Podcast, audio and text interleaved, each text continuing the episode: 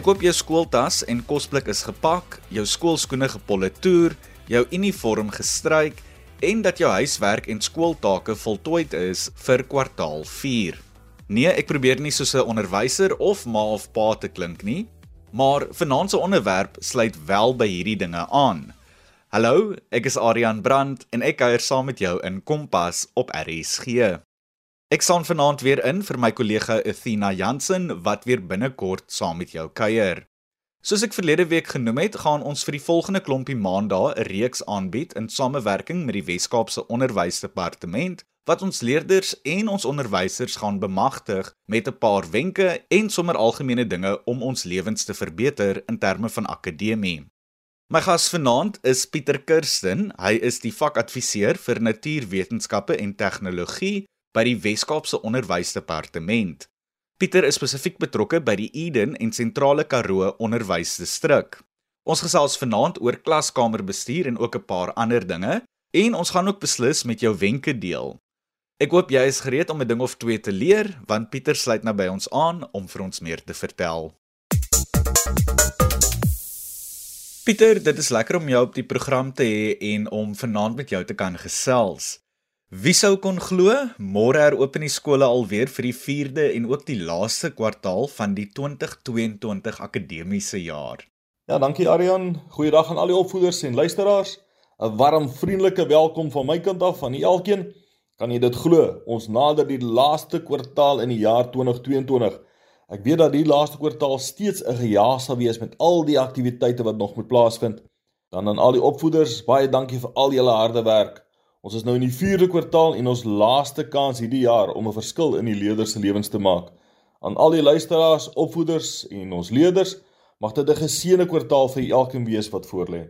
So Pieter, waaroor gesels ons alles in vanaand se program? Ek weet ons onderwerp vir die aand is klaskamerbestuur. Vandag gaan ek belangrike inligting met u deel en ook inligting om u te help om die skool se resultate te verbeter. So luister asseblief aandagtig. So in 'n neutedop gaan ek die volgende bespreek. Ek gaan uh, praat oor klaskamerbestuur, beplanning. Uh, ons gaan kyk na onderrig, is dit gelyk aan leer en dan 'n kort woord oor hoe maak ek 'n verskil. En uh ja, ons het opvoeders wat jare lank al in die professie is en dan uh sommige wat net hierdie jaar begin het. So die doel van vandag se program is om al ons opvoeders te laat baat vind deur inligting te verskaf wat uh die belangrike metodes van klaskamerbestuur uit te lig en wat u sal help om verder as opvoeder groei en ontwikkel. Sjoe, dit klink omtrent vir my asof daar heelwat dinge is waaroor ons vanaand gaan gesels, maar kom ons trek sommer weg met klaskamerbestuur. Wat presies is klaskamerbestuur? So as ek begin deur te verwys na die definisie van klaskamerbestuur, is dit die term wat die meeste opvoeders gebruik om metodes te beskryf om wangedrag te voorkom en dit te hanteer as dit ontstaan. Met ander woorde, ehm um, dit is die tegnieke wat onderwysers gebruik om beheer in die klaskamer uit te oefen. Klaskamerbestuur is een van die mees gevreesde onderrigareas, veral vir nuwe opvoeders. Die meeste nuwe opvoeders, maar ook ervare opvoeders wat gewoonlik hulle self afvra, doen ek dit reg? Ehm um, wat wat kan ek beter doen? Daar is selfs 'n paar ervare opvoeders wat dit vandag nog steeds vra. Vir die leerders kan 'n gebrek aan effektiewe klaskamerbestuur beteken dat werklike onderrig in die klaskamer verminder word. Vir die opvoeder aan in in die, die, die ander kant kan dit ongelukkigheid en stres veroorsaak en uiteindelik daartoe lei dat individue die onderwysberoep verlaat. Ja nee, dit klink nogal na 'n moeilike en uitdagende onderwerp vir al vir die onderwysers wat moet verseker dat akademiese leer en onderrig wel in klaskamers plaasvind. Soos ons weet, kan leerders se hand vol wees, veral in groot klaskamers, en dit is daar waar dissipline probleme soms opduik. Maar dit daar gelaat. Pieter, hoe kan opvoeders 'n klaskamer leerdervriendelik maak sodat sinvolle leer en produktiewe leer wil ek amper sê, wel kan plaasvind? Ja, ek stel voor die gebruik van 'n en ek noem dit 'n slim leerruimte. daarmee bedoel ek ontwerp fisiese leerruimtes om interaksie toegang tot digitale en fisiese media en spontane samewerking te bevorder en dan ook kunstige ontwerpte ruimtes met kleur, lig en meubels indien dit moontlik is. En ja, ek weet die fondse is nie altyd beskikbaar by al die skole nie, Daarom sal u dan hoor my woordkeuse van indien dit moontlik is. Dan ten spyte van u as opvoeder se beste bedoelings, kan 'n klaskameromgewing leerders se onderrig strem. Die uitleg van 'n klaskamer kan oorweldigend wees of die klaskamer se kleur, as ek nou na plakkate verwys, kan 'n negatiewe impak op die leerders en selfs op die opvoeder se gemoed hê. Hierdie elemente van die klaskamer omgewing kan 'n negatiewe of 'n positiewe impak op die leerders se akademiese prestasies dan ook hê. En dit word ondersteun deur groeiende navorsing oor die kritieke impak wat lig, ruimte en kameruitleg op die fisiese en emosionele welstand van die leerder het. Dis hoe meer stimulasie in 'n omgewing, hoe meer mededinge vir aandag van die deel van 'n leerder se brein wat moet fokus. En ja, ek noem dit altyd vir die opvoeders in die, in ons streek, maar natuurlik in 'n vak soos byvoorbeeld natuurwetenskap en tegnologie, moet dit pret wees, maar nie afleidend nie en dan definitief ook nie vervelig nie. So ek vra die opvoeders dan om hulle klaskamermure te gaan ondersoek, onnodige plakkate soos regulasies of inligtingbronne wat die potensiaal het om 'n leerder se konsentrasie vermoë te oorweldig. In 'n poging om klaskamer rommel te verminder, kan die opvoeders hulle self die volgende vraag afvra: Watter doel sal die plakkaat, tekening of vertoning dien? Sal hierdie tekening of item die leerder se onderrig verbeter of hulle aandag net aflei? Is dit ooreenstemming met wat in die klaskamer geleer word? Kan ek dit gebruik om my les wel interaktief te maak? Is daar spasie tussen die plakkate om die leerders te help onderskei wat op die muur aangebring is en kan leerders bydra tot die versiering van die klaskamer. Die opvoeders moet onthou dat ons die 4de kwartaal nader en dus nader aan die einde van die jaar beweeg waar hopelik al die leerders na die volgende graad gaan vorder en dus geleenthede in gedagte moet hou om afleidings te beperk en klaskamer rommel te verminder vir die bevordering van beter akademiese prestasie. Pieter, wat jy sê maak heeltemal sin. Ek kan onthou van my skooldae hoe vervelig sommige van die klaskamers se mure gelyk het met nuttelose plakkate en notas, maar terselfdertyd ook hoe ander onderwysers se klaskamer my altyd geïnspireer het om op te let en aandag te gee.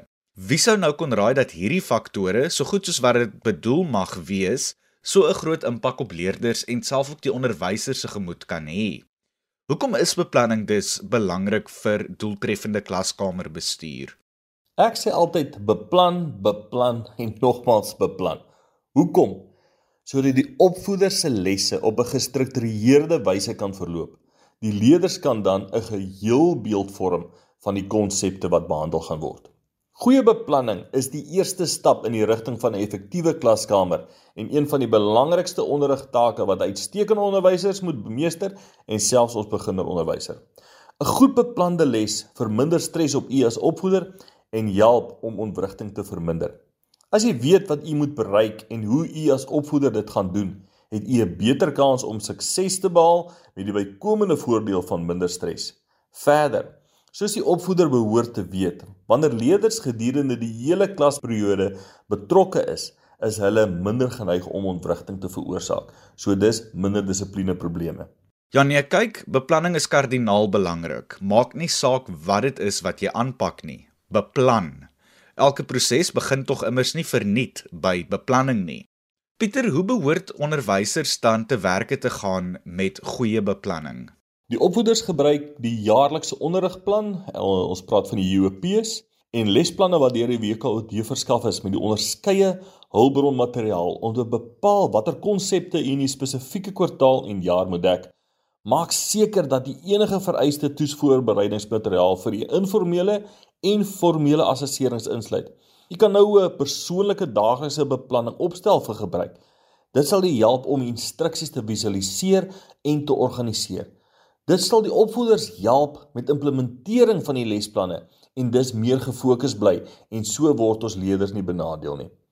Wat ek wil voorstel is dat die opvoeders moet beplan om hulle self en hulle leerders voor te berei sodat hulle georganiseerd is en dat daar 'n maklike oorvloei van een onderwerp na 'n ander sal wees. Tydens beplanning moet die hulpbronne wat die opvoeders vir verskillende lesse gaan gebruik alreeds ook aangedui word. Dit is baie maklik om die aandag van leerders te verloor as die opvoeders eers na die bladsye moet soek wat hulle wil hê die leerders moet lees wat gewoonlik dan lei tot dissiplineprobleme. Pieter, jy het aan twee belangrike punte geraak. Eerstens, die een dat beide die onderwyser en die leerders moet weet wat gedoen moet word en wat behandel gaan word in die klaskamer op 'n daaglikse of weeklikse basis. En dan ook tweedens, die punt van hoe inhoud wat geleer word by mekaar aansluit. Ek kan onthou van my skool daar hoe frustrerend dit vir my was veral voor 'n eksamen as ek nie geweet het of verstaan het hoe onderwerp A by onderwerp B aansluit nie en nog minder hoe C by D aansluit nie. Ek het soms die idee gekry dat sommige van hierdie afdelings staties is en net in die lug hang, totdat ek besef het hoe belangrik visuele bronne soos byvoorbeeld breinkaarte, tabelle en inhoudsopgawes is om die verbintenis te maak van onderwerpe. So daar is moontlik dalk net een wenk van my kant af as 'n ou skoolier. Op die punt van beplanning en dissipline. Gaan daaglikse lesse altyd verloop soos die opvoeders dit beplan het? Ek dink nou sommer aan 'n voorbeeld so simpel soos beerdkrag wanneer onderwysers dalk gebruik maak van apparate wat moontlik elektrisiteit benodig en die impak wat dit moontlik op 'n les kan hê. Ongelukkig in die skole gebeur daar heel wat onverwagse gebeure. Ek wil dan ook praat oor die beplanning vir die onverwagte. Soos die meeste van u sal besef, kom onverwagse onderbrekings en gebeure dikwels in die klaskamer voor. Dit kan nou wissel van geaktiveerde brandalarms en onverwagse vergaderings tot die eie siektes en noodgevalle. Daarom moet u planne skep wat u sal help om hierdie onverwagse gebeure te hanteer. Skep en ek noem dit mini-lesse om te help om enige tyd wat aan die einde van 'n klasperiode oorgebly het in te vul. Selfs die beste opvoeder word soms met ekstra tyd gelaat.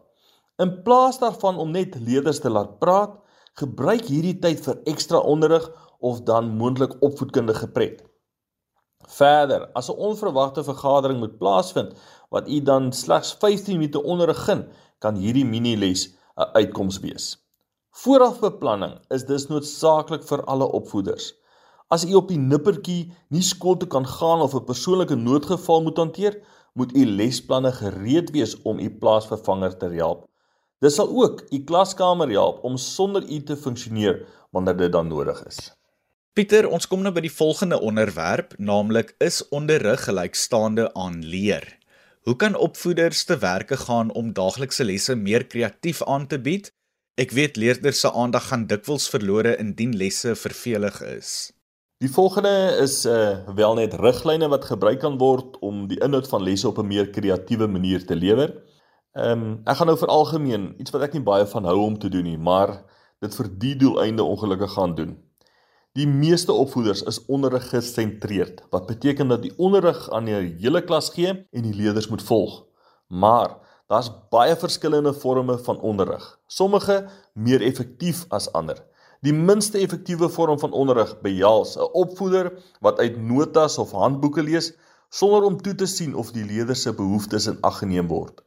Dit maak leer 'n passiewe aktiwiteit en leerders kan vinnig belangstelling verloor. Ek hoop u as opvoeder sal met my saamstem dat die soort onderrig beslis nie gelyk is aan leer nie. Sommige dinamiese opvoeders lees egter op 'n meer vrye manier deur uh, leerders te betrek of demonstrasies te gee. En sommige kundige opvoeders het die vermoë om studente met humor of insiggewende inligting te betrek. Ehm um, onderrig word dikwels beskou as direkte instruksie. Ehm um, wat 'n meer aktiewe onderrigstrategie kan word as 'n deel is van soos ek vroeër genoem het 'n mini les. En uh, ek noem dit 'n mini les want ek wil hê u as opvoeder moet byvoorbeeld 10 minute praat en die leerders moet daarna by die les betrokke raak deur deur vrae te vra, werkkaarte te voltooi en die uh, spesifieke vak waarmee hulle besig is te geniet. Die lesafdeling van die miniles is dan so ontwerp in 'n volgorde waar die opvoeder eers 'n verbinding met vorige lesse maak. Dan bied u die inhoud aan deur 'n demonstrasie of of of uh, dit prakties te doen. Die leesgedeelte van die miniles word hersien nadat leerders die geleentheid gegee word vir praktiese oefeninge of om vrae te vra wanneer die opvoeder die inhoud herhaal. Dan eh digitale aanbiedingsmetodes is passiewe metodes om inhoud te lewer en sluit skyfie vertonings of video's in. Wanneer opvoeders hierdie tipe aanbiedings doen, moet die opvoeders bewus wees en 'n behoefte ontwikkel um, om aantekeninge by te hou terwyl u interessante en relevante prente insluit. As die tipe aanbieding goed gedoen word, is die soort aanbieding 'n onderrigmetode wat interessant en effektief kan wees vir leerderonderrig. Ehm um, opvoeders ehm um, sal dalk die 10 20 30 reël volg met die tipe van aanbieding en nee, ek tel nie net in 10 nou nie. Nee, dit beteken dat daar nie meer as 10 skyfies is nie. Die aanbieding is nie minder as 20 minute nie en die lettertipe wat gebruik word is nie kleiner as 30 nie. Wees asseblief bewus daarvan dat te veel woorde op 'n skyfie vir sommige leerders verwarrend kan wees of dat die lees van elke woord op die skyfie net bloot vervelig kan wees vir 'n groep leerders wat reeds die materiaal kan lees. Dus sal uh as ek nou 'n voorbeeld kan gebruik, dis sal die graad 4 se aanbieding nie dieselfde dan wees as byvoorbeeld graad 9 nie. Dan video's bied ook uh, hulle eie stel probleme en kwessies aan en ek wil net noem dat die opvoeders die voor en die nadele van die gebruik van video's in die klaskamer self moet evalueer voordat dit wel gebruik word. Moenie net 'n idee kry en dit doen nie. Laat die video wat gebruik word relevant wees vir uh wat u onderrig. Dan 'n prettige en interessante onderrigmetode is die gebruik van leerderaanbiedings om inhoud aan die klas as geheel voor te stel. Die eh, opvoeder kan byvoorbeeld 'n tema in onderwerpe verdeel en die leerders die klas laat onderrig deur hulle en in aanhalingstekens kundige analise aan te bied. Dan dit sal leerders nie net help om die konsepte op 'n dieper manier te leer nie, maar bied die leerders ook oefeninge in openbare gespreksvoering en dit sal ook lei tot integrasie tussen verskillende vakgebiede en dan in hierdie geval sal dit sal dit dan met tale wees. Alhoewel hierdie onderrigstrategie grootliks passief is vir die leerders, is die leerderaanbieding 'n aktiewe bewys van 'n hoë vlak van begrip en verbeter dit hopelik die uitslae van die leerders. Onthou ook, ehm um, as die leerders verkies om media te gebruik, moet hulle ook dieselfde aanbevelings volg as wat u as opvoeder sou gebruik het met u aanbieding en soos ek gesê het die 10 20 30 reël 10 skyfies 20 minute en lettergrootte van 30 Pieter, dit is alles wonderlike raad wat jy vanaand met ons leerkragte gedeel het en ek is seker daarvan dat hulle nou toegerus is om te verseker dat leerders wel aandag sal gee en dat die leerproses meer interessant sal wees en natuurlik ook produktief. Die tyd is egter besig om ons in te haal en ons moet amper groet, maar voordat ons doen, enige laaste woorde, raad, wenke, advies, enige iets wat jy dalk net met die luisteraars wou deel voordat ons groet. Ja, Aryan, dankie. Ehm um, ek het die opvoeders heelwat inligting gegee rakende klaskamer bestuur, maar die volgende is wel wat ek van die elkeen glo in verskillende vakgebiede. Ek weet dat u leerders in staat stel om suksesvol te wees deur aktiwiteite en projekte volgens die leerders se ouderdomme en vermoëns bekend te stel. Uh u verskaf die leerders noodsaaklike inligting, stel nuwe idees en onderwerpe bekend en probeer om hulle belangstelling uit te brei en ek wil 'n groot dankie sê vir elkeen. En dan uh iets om te onthou. Ek het geleer dat mense sal vergeet wat jy gesê het. Uh 'n mens sal vergeet wat jy gedoen het, maar mense sal nooit vergeet hoe jy hulle laat voel het nie. So ek vra die opvoeders moet uitgaan en 'n verskil maak in die leerders se lewe. En ek glo daar is geen beter manier om dit te doen as om die kinders te laat voel hoe wonderlik en interessant die verskillende vakke in die skool is nie. Baie dankie luisteraars, opvoeders en veral dan al ons leerders. Teraan Pieter Kirsten, die vakadviseur vir natuurwetenskappe en tegnologie by die Wes-Kaapse Onderwysdepartement, spesifiek die Eden en Sentrale Karoo Onderwysdistrik wat saamgekyer het in Kompas en wat 'n paar belangrike wenke met ons gedeel het. Alle sterkte aan ons leerders wat weer môre terug is by die skool en natuurlik ook die onderwysers. Onthou, sit julle alles in. Dit is die laaste kwartaal, die eindstreep is in sig. Gee dit nou julle absolute beste. Dit was ook dan al van my kant af. Ek kuier Woensdag aand weer saam met jou in Kragkamp, so maak seker dat jy inskakel. Van my kant tot dan, mooi loop.